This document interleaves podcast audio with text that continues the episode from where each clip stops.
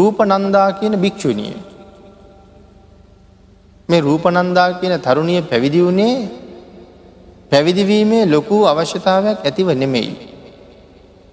මේ භාග්‍යතුන් වහන්සේගේ ඥාති සහෝදරිය. එනිසා රූපනන්දා කල්පනා කරනවා මගේ වැඩිමාලු සහෝදරයා පැවිදිලා බුදු වුණා. ඒ වැඩිමාලු සහෝදරයාගේ පුත්‍රයාද පැවිදි වුණා. මාගේ මවද පැවිදි වුණා. මාගේ සහෝදරයාද පැවිදි වුණා. එහෙව් එකේ මං පැවිදි නොවී ඉදල මොනව කරන්නද. එහෙම හිතල ඇයත් පැවිදි වුණා. රූප නන්දා කියන නම ලැබුණෙම පුදුමාකාර ප්‍රියමනාප රූපයක් තිබුණ නිසා. ඇගේ රුවට ඇයද පුදුම විදිහට ප්‍රිය කළා. පැවිදි වනාට ඇය අහල තියෙනවා භාග්‍යතුන් වහන්සේ මේ රූපයේ තියෙන දුර්ගුණ දක්වනවා කියලා. ඒ වගේම මේ අනිත්‍ය දුක්ක අනාත්ම කියන ත්‍රිලක්ෂණය පැහැදිලි කරමින් දහම් දේශනා කරනවා කියලා. ඒ නිසා කවදාවත් මෑ බණහන්ඩ ගිය නෑ. පද බුදුරජාණන් වහන්සේ තමන්ගේ රූපයටත් නිග්‍රහ කරයිදූ කෙළ හිතුනා. මේ භාග්‍යතුන් වහන්සේ රූපයට නිග්‍රහ කරනවා කියලා කෙනෙක් කියහම ඒ ධර්මකාරණාව හරියට පිළියරන් තිබුණේ නෑ අවබෝධ කරලා තිබුණේ නෑ. ඇතුවගේ ලස්සන කෙනෙකුට නිග්‍රහ කරන සිරිතක් භාග්‍යතුන් වහන්සේගේ භාග්‍යතුන් වහසගේ නැහැ. නමුත් ඒ තමන් සතු රූපයට ඇලිලා එය ආත්මය කරගෙන ජීවත් වෙනයට සත්‍ය වට හලා දුන්නා. ඒකයි මෙතන රූපයට නිග්‍රහ කලා කියලා සඳහන් කරන්න. නමුත් මේ තැනැත්තිය ගිය නෑ භාගිතුන් වහස වුණ ගැහෙන්නේ. නමුත් නිරන්තරයම බනහලයන භික්‍ෂු භික්‍ෂුණීන් උපාසක උපාසිකාවන් භාග්‍යතුන් වහන්සේගේ ගුණමයි කියන්නේ. භාග්‍යතුන් වහන්සේගේ හැකියාවමයි වර්ණනා කරන්න. ඒ නිසා රූපනන්දාට හිතෙනවා මමත් යන්ඩුවන බණහන්ඩ. හැමෝම මගේ සහෝදරයාගේ ගුණම කියනවා. මමත් බණහන්ඩ යනවා. උන්වහන්සේට පේන්ඩ යන්නේ නෑ. ගිහිල්ල සද්ධර්මශ්‍රවනය කරන භික්‍ෂුණීන් වහන්සේලා කෙරවලේ පිටිපස්සේ පේන්නේ නැතුව පේන්නේ නැතුව වාඩි වෙලා ඉදරම බණහනවා.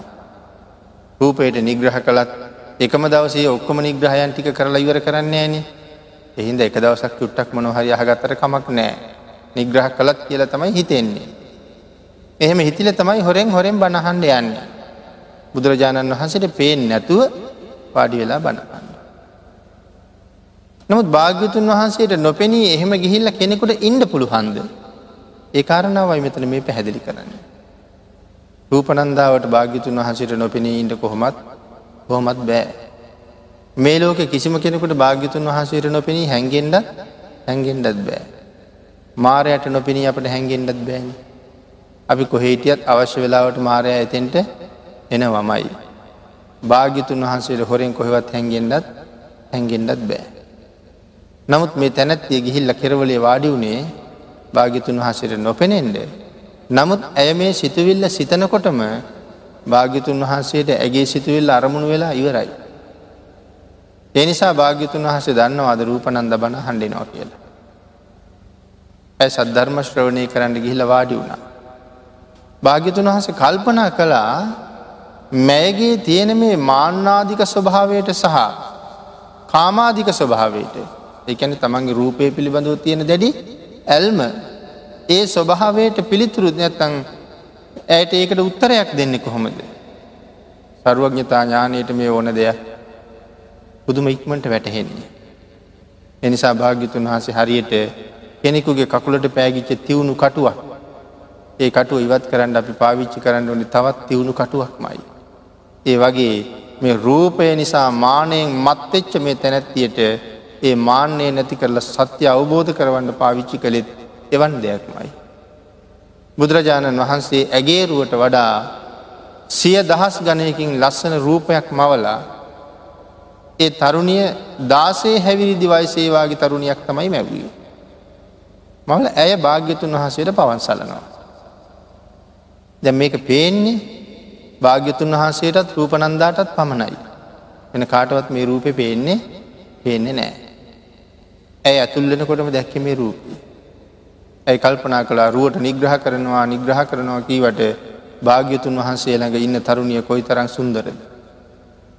දැන් ඇයට වෙන සිහියක් නෑ රූපනන්දාවට. අර රූපෙ දිහාම තමයි බලාගෙනන්නේ. රූපනන්දට හිතෙනවා මැය දිහා බලහම මගේ රූපය කොහොමද. හරියට හංස දේනුවක් ගාව නතර වෙච්ච කැවිඩියක් වගේ මම. මං කොයි තරං විරූපීද මැය ළඟ. දෙනිසා අර තරුණියගේ මුහුණ දිහා බලනවා අතපය දිහා බලනවා ශරීරයේ දිහා බලනවා හිස දිහා බලනවා පාද දිහා බලනවා මේ අඟ පසඟ දිහා බල බලාම ඇය එතන වාඩි වෙලා වාඩි වෙලා ඉන්නවා. භාග්‍යතුන් වහන්සේ දන්නවා දැන් මැගේ හිත කොහෙ ගමන් කරලද කියලා. ඒ නිසා මෑයට මෙයින්ම පිළිතුර දිය යුතුයි. ධර්ම දේශනා කරන ගමන් අධිෂ්ඨාන කරනවා මේ රූපය ටික ටික ටික ටික විරූප වෙන්නේ. මුලින් හිටිය දාසේ හැවිරිදි වයසේ වගේ ටික වෙලාවක් යනකොට විසි හැවිරිදි වයසේ වගේ වුණා.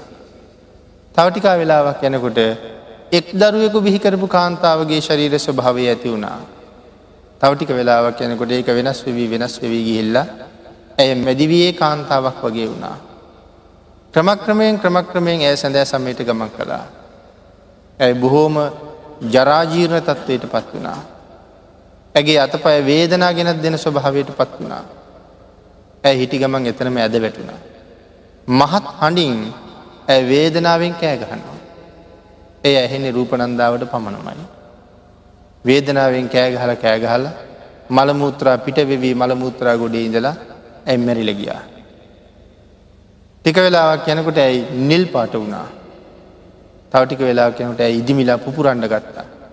තවටිකක් වෙලා යනකොට නව දොරෙන් ඕජා වැගිරෙන්ට පටන් ගත්තා. තවත් ටිකක් වෙලා යනකොට සත්වය විල්ල ඇද ඇද කණ්ඩ පටන් ගත්තා. රූපනන්දාව මේ ක්‍රියාව විවර වෙනකම්ම බලාගෙන හිටිය. ඇයට පුදුමාකාර දුකක් ඇති වුණා. ඇයට පුදුමාකාර කලකිරීමක් ඇති වුණා. රූපය පිළිබඳව තියෙන තෘෂ්ණාව ඇගෙන් බොහොම වේගෙන් පහවයන්ට පටන් ගත්තා. ඇය මේ කාරණාව හොඳට අවබෝධ කරගත්තා. කාරණාව අවබෝධ කරගත්ත ඇය තමන්ගේ ශරීරය කියල කියන්නේ තම් මේ මම කියල කියන්නේ මේ කය කියල කියන්නේ කරේ එල්ලපු කුණු ගොඩක් වගේ. ඉතාම අපිරිසිදු දෙයක් තම සිරුරේ තියෙන නොසරුක් බව ඇයට නිරන්තරයෙන්ම දැනෙන්ට පටන් ගත්තා. මෙච්චරකල් රූපයට රැවටිලා හිටපු ඇයට මේ මුළු බවත්‍රයම ගිනිගෙන දැවෙන්නා වගේ දැනෙන්ට පටන් ගත්තා. ඇගේ සිත කර්මස්ථානාභීමුක වුණා කර්මස්ථානයට හැරුණා. අතාගතයන් වහන්සේ ඇයට උපකාර කළා. භාගිතුන් වහසේ ඇයට උපකාර කරමින් මෙන මේ ගාථාව දේශනා කළා.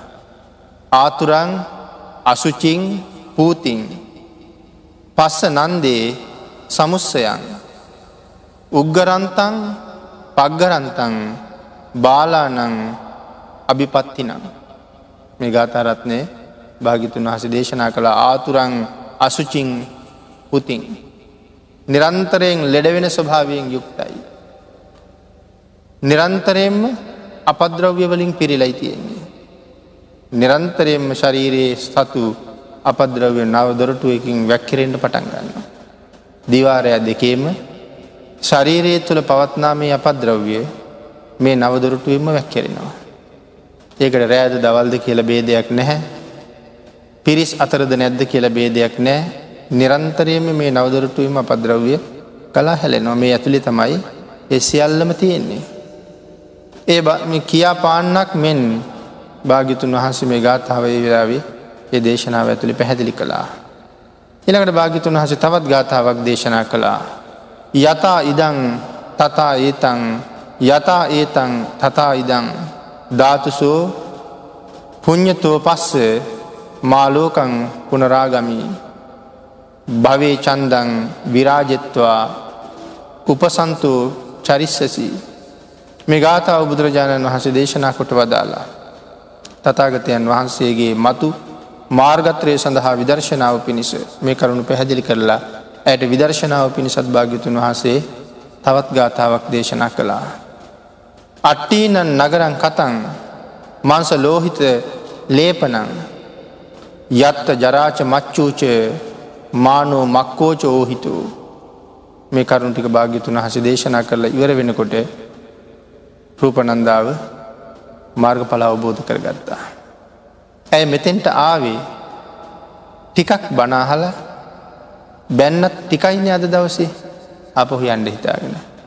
නමුත් ඇය තමන්ගේ ශරීරයේ පිළිබඳව තිබිච්ච සියලුම ඇල්ම විතරක් නෙමෙයි භවත්‍රය පිළිබඳවම තිබිච්ච සියලුම ඇල්මෙන් නිදහස් කරන්න හැකියාව භාග්‍යතුන් වහන්සේට තිබුණේ ඇගේ ශ්‍රද්ධාදී ඉන්ද්‍රියන් කොයි ප්‍රමාණයටද දියුණු වෙලා තියෙන්නේ ඒ ප්‍රමාණයට කොයි විදිහට කටයුතු කළ යුතුද කියන එක මනාව අවබෝධ කරගන්න භාගිතුන් වහසට පුළුවන්කම පුළුවන්කම තිබුණ නිසා.